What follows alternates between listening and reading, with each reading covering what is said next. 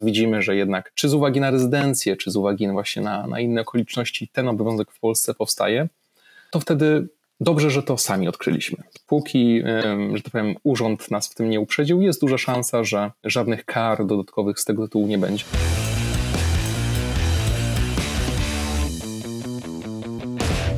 Dzień dobry Państwu, zapraszam na kolejny odcinek naszego podcastu Podatkowa Międzymiastowa. Dzisiaj tradycyjnie właściwie z nielicznymi wyjątkami y, między Warszawą, gdzie jest Michał Panek, menedżer w dziale szeroko pojętych podatków osobistych. Z drugiej strony jestem ja, Anna Strzelecka właśnie z Krakowa i spotykamy się tuż przed majówką. Y, prognozy są dość niepokojące, będzie zimno, dlatego rozgrzejemy Państwa dzisiaj tematem y, składanie rozliczeń z tytułu pracy za granicą. Dzień dobry Michale, pozwól, że dopuszczę Cię do głosu wreszcie. Aniu, bardzo miło, dziękuję, że mogłem dołączyć do Twojego podcastu. Przeglądałam dane i wygląda na to, że trzeba liczyć, bo to dane są takie nie, nieprecyzyjne, ale nawet ponad 2 miliony Polaków pracuje za granicą. I powstaje pytanie, czy jeżeli wykonują tę pracę na podstawie umowy, na przykład umowy o pracę za granicą, to czy mają obowiązek rozliczać się z PIT-u tu w Polsce? Czy ten obowiązek dotyczy wyłącznie osób pracujących na terenie Polski? Aniu, to jest bardzo dobre pytanie, ponieważ nie wszyscy wiedzą, że nawet jeżeli mm, rozliczamy swoje podatki za granicą, płacimy tam stosowne daniny podatkowe, to nadal niestety taka osoba może e, mieć obowiązek podatkowy w Polsce. I może to być e, pewien ograniczony obowiązek, ograniczony tylko do wykazywania tego dochodu mm, zagranicznego, e, ale również może być on zdecydowanie większy, związany z takim miesięcznym obowiązkiem podatkowym. Od czego zależy powstanie tego obowiązku? Krótko mówiąc, dlaczego taki obowiązek może powstać w stosunku do Polaka czy Polki pracujących za granicą? Jest tutaj kilka aspektów, które należałoby mm, równocześnie poruszyć. Taki najbardziej istotny to jest kwestia rezydencji podatkowej. W Polsce mamy, zgodnie z przepisami, tak zwanych rezydentów i nierezydentów podatkowych. Jaka jest między nimi różnica? Taka, że polscy rezydenci podatkowi mają obowiązek wykazać i opodatkować w Polsce swoje ogólnoświatowe dochody, natomiast polscy nierezydenci wykazują i opodatkowują tylko i wyłącznie dochody z tak zwanych polskich źródeł. Oprócz tego, mm, że mamy tą kwestię rezydencji, to istotne są też tak zwane przepisy umów o unikaniu podwójnego opodatkowania. One są właśnie szczególnie istotne w odniesieniu do osób, które mm, na przykład albo mm, uzyskują dochody z pracy za granicą, albo właśnie pracują w Polsce na podstawie zagranicznych umów, przykładowo umów o pracę. Wiem, że ten pierwszy temat, czyli rezydencja podatkowa, to jest temat bardzo, bardzo szeroki, ale gdybyśmy chcieli naszym słuchaczom wskazać takich parę, kilka punktów, które mają znaczenie przy określeniu rezydencji, to co byś wskazał? W naszych przepisach podatkowych mamy właściwie tylko dwa kryteria, więc mogłoby się wydawać to prostą rzeczą, jak zdecydować, czy jest się polskim rezydentem podatkowym i ma się tą większą liczbę obowiązków, czy polskim nierezydentem podatkowym i ma się ten tak zwany ograniczony obowiązek podatkowy. Niestety tylko jedno z tych dwóch kryteriów jest jasne i oczywiste. Pierwsze kryterium które czyni nas polskim rezydentem podatkowym, to jest spędzenie w Polsce więcej niż 183 dni w danym roku kalendarzowym. No i to jest powiedzmy łatwe do sprawdzenia.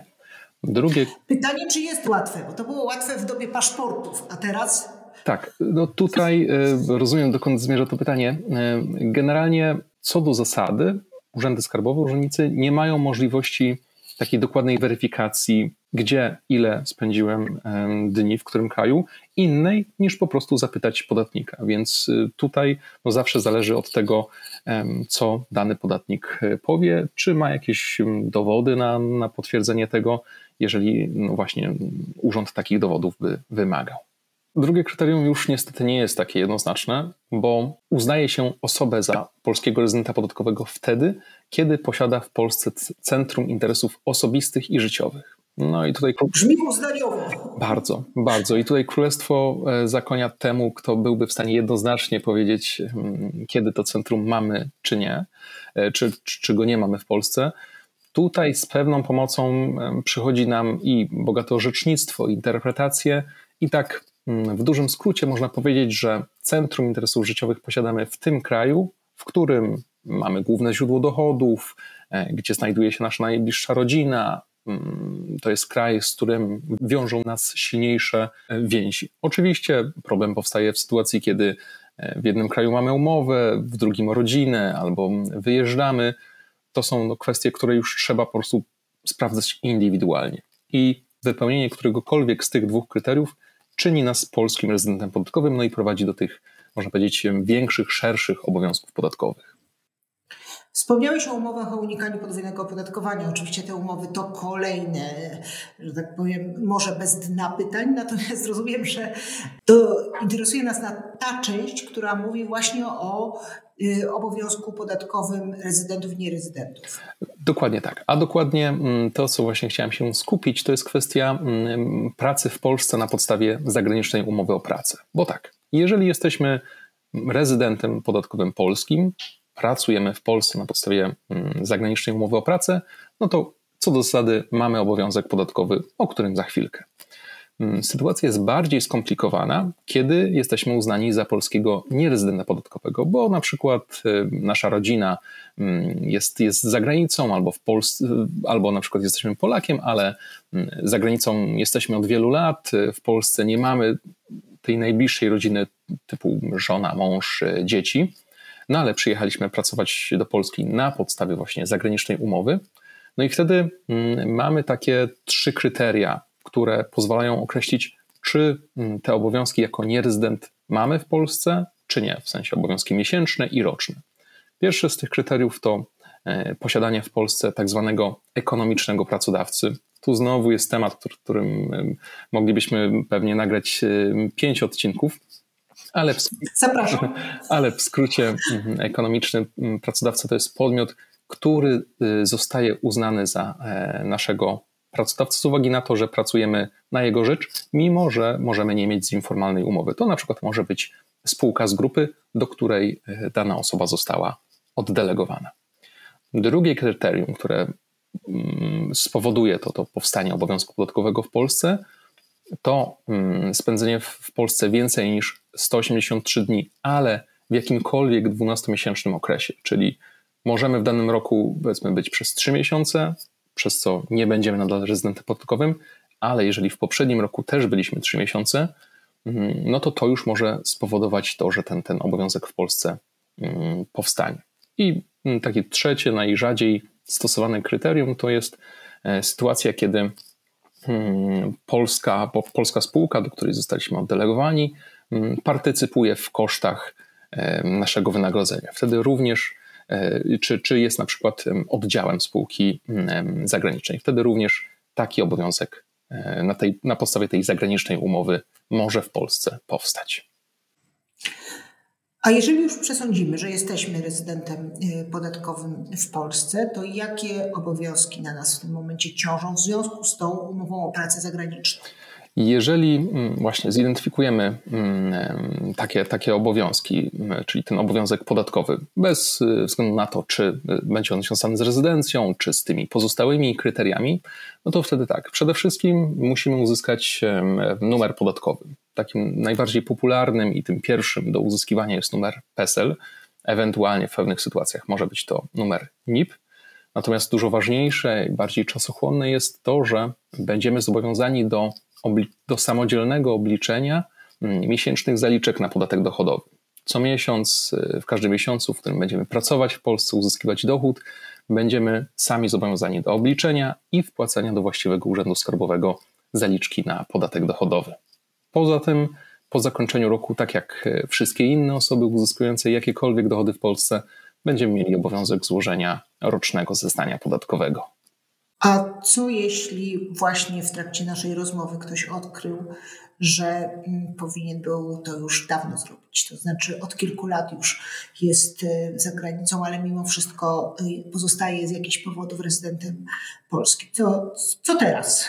Tak, jeżeli, jeżeli właśnie jest ta sytuacja, że, że na przykład pracuję w Polsce, nigdy nie płaciłem zaliczek, bo mm, dotychczas e, no właśnie, nikt, nikt nie widział tego obowiązku, bo cały czas zaliczki za mnie były odprowadzane w jakimkolwiek innym kraju. No ale teraz, teraz widzimy, że jednak czy z uwagi na rezydencję, czy z uwagi właśnie na, na inne okoliczności ten obowiązek w Polsce powstaje, to wtedy dobrze, że to sami odkryliśmy. Póki, że tak powiem, urząd nas w tym nie uprzedził, jest duża szansa, że żadnych kar dodatkowych z tego tytułu nie będzie, o ile oczywiście wywiążemy się ze swojego obowiązku, czyli retrospektywnie obliczymy te zaliczki, wpłacimy je do Urzędu Skarbowego, złożymy swoje zeznanie.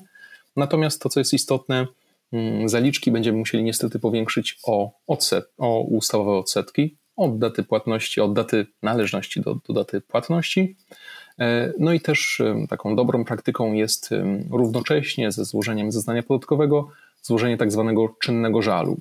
To jest taki Mm, raczej prosty dokument, w którym po prostu wyjaśniamy urzędowi, dlaczego dopiero teraz wywiązujemy się ze swojego obowiązku podatkowego.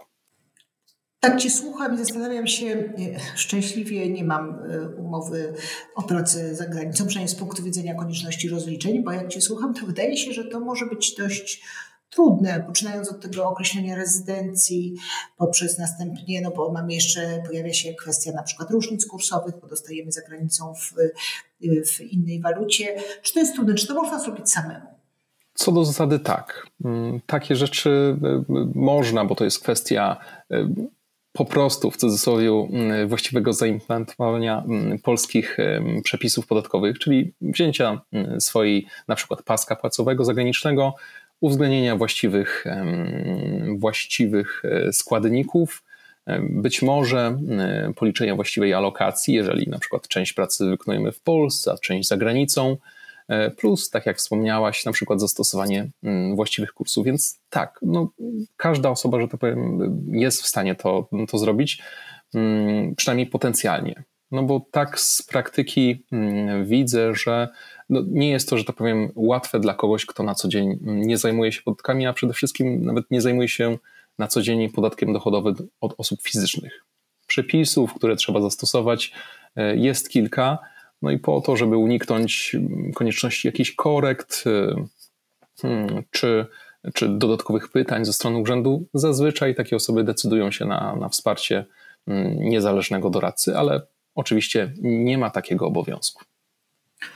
Myślę, że jest jeszcze jeden powód, tu mnie popraw ewentualnie, dla którego takie osoby y, chciałyby skorzystać właśnie z pomocy na przykład doradcy podatkowego. To jest kwestia y, związana z tym, że jakieś podatki za granicą mogły zostać odprowadzone, prawda? I tu na podstawie umowy może się okazać, że właśnie y, niekoniecznie musimy zapłacić całość. Czy dobrze mówię, czy upraszczam? Tak, Aniu, to, to bardzo celna uwaga. Zazwyczaj, kiedy, czy zawsze właściwie, kiedy my pomagamy naszym klientom w, w takich kwestiach, to pierwszym takim krokiem jest potwierdzenie właśnie z doradcą podatkowym z drugiego kraju, gdzie dany dochód będzie podlegał opodatkowaniu. Bo Mm, przynajmniej w pierwszym momencie może wystąpić taka sytuacja, gdzie dwa kraje równocześnie mm, będą sobie rościły prawo do tego, żeby mm, wpłacić do nich podatek od tego samego dochodu. Oczywiście wspomniane wcześniej umowy o unikaniu podwójnego opodatkowania przewidują takie sytuacje i przewidują właściwe metody unikania tego podwójnego opodatkowania. Natomiast no właśnie tym pierwszym krokiem, który należy zrobić, to upewnić się, gdzie mm, dana część dochodu, czy, czy, całość, czy właśnie część, w którym kraju powinna podlegać opodatkowaniu, a jeżeli zapłaciliśmy już podatek w drugim kraju, no jaki jest sposób, żeby ten podatek w sposób bezpieczny odzyskać. Bardzo Ci dziękuję, Michale, bardzo dziękuję Państwu. Życzę, podobnie jak przy poprzedniej rozmowie na temat rozliczeń rocznych, żeby ta majówka nie stała pod y, znakiem rozliczeń podatkowych. Żeby temu zapobiec, mają Państwo jeszcze trzy dni, ale mają Państwo też różnych mądrych doradców podatkowych, takich na przykład jak Michał, których usług można skorzystać. Nie usłyszymy się przed pajówką, więc y, życzę Państwu odpoczynku. A Ciebie, Michale, ponieważ dotknąłeś tylu tematów, ja jeszcze tu na pewno zaproszę. Bardzo dziękuję, Aniu, i do usłyszenia. Dziękuję bardzo. Wysłuchali Państwo dziewiątego odcinka z cyklu Podatkowa Międzymiastowa w ramach podcastu Kridoteki. Nasz podcast jest dostępny na różnych platformach, w tym Spotify i Apple Podcasty, a także w wersji wideo na YouTube. Dziękujemy za wysłuchanie i do usłyszenia w następnym odcinku.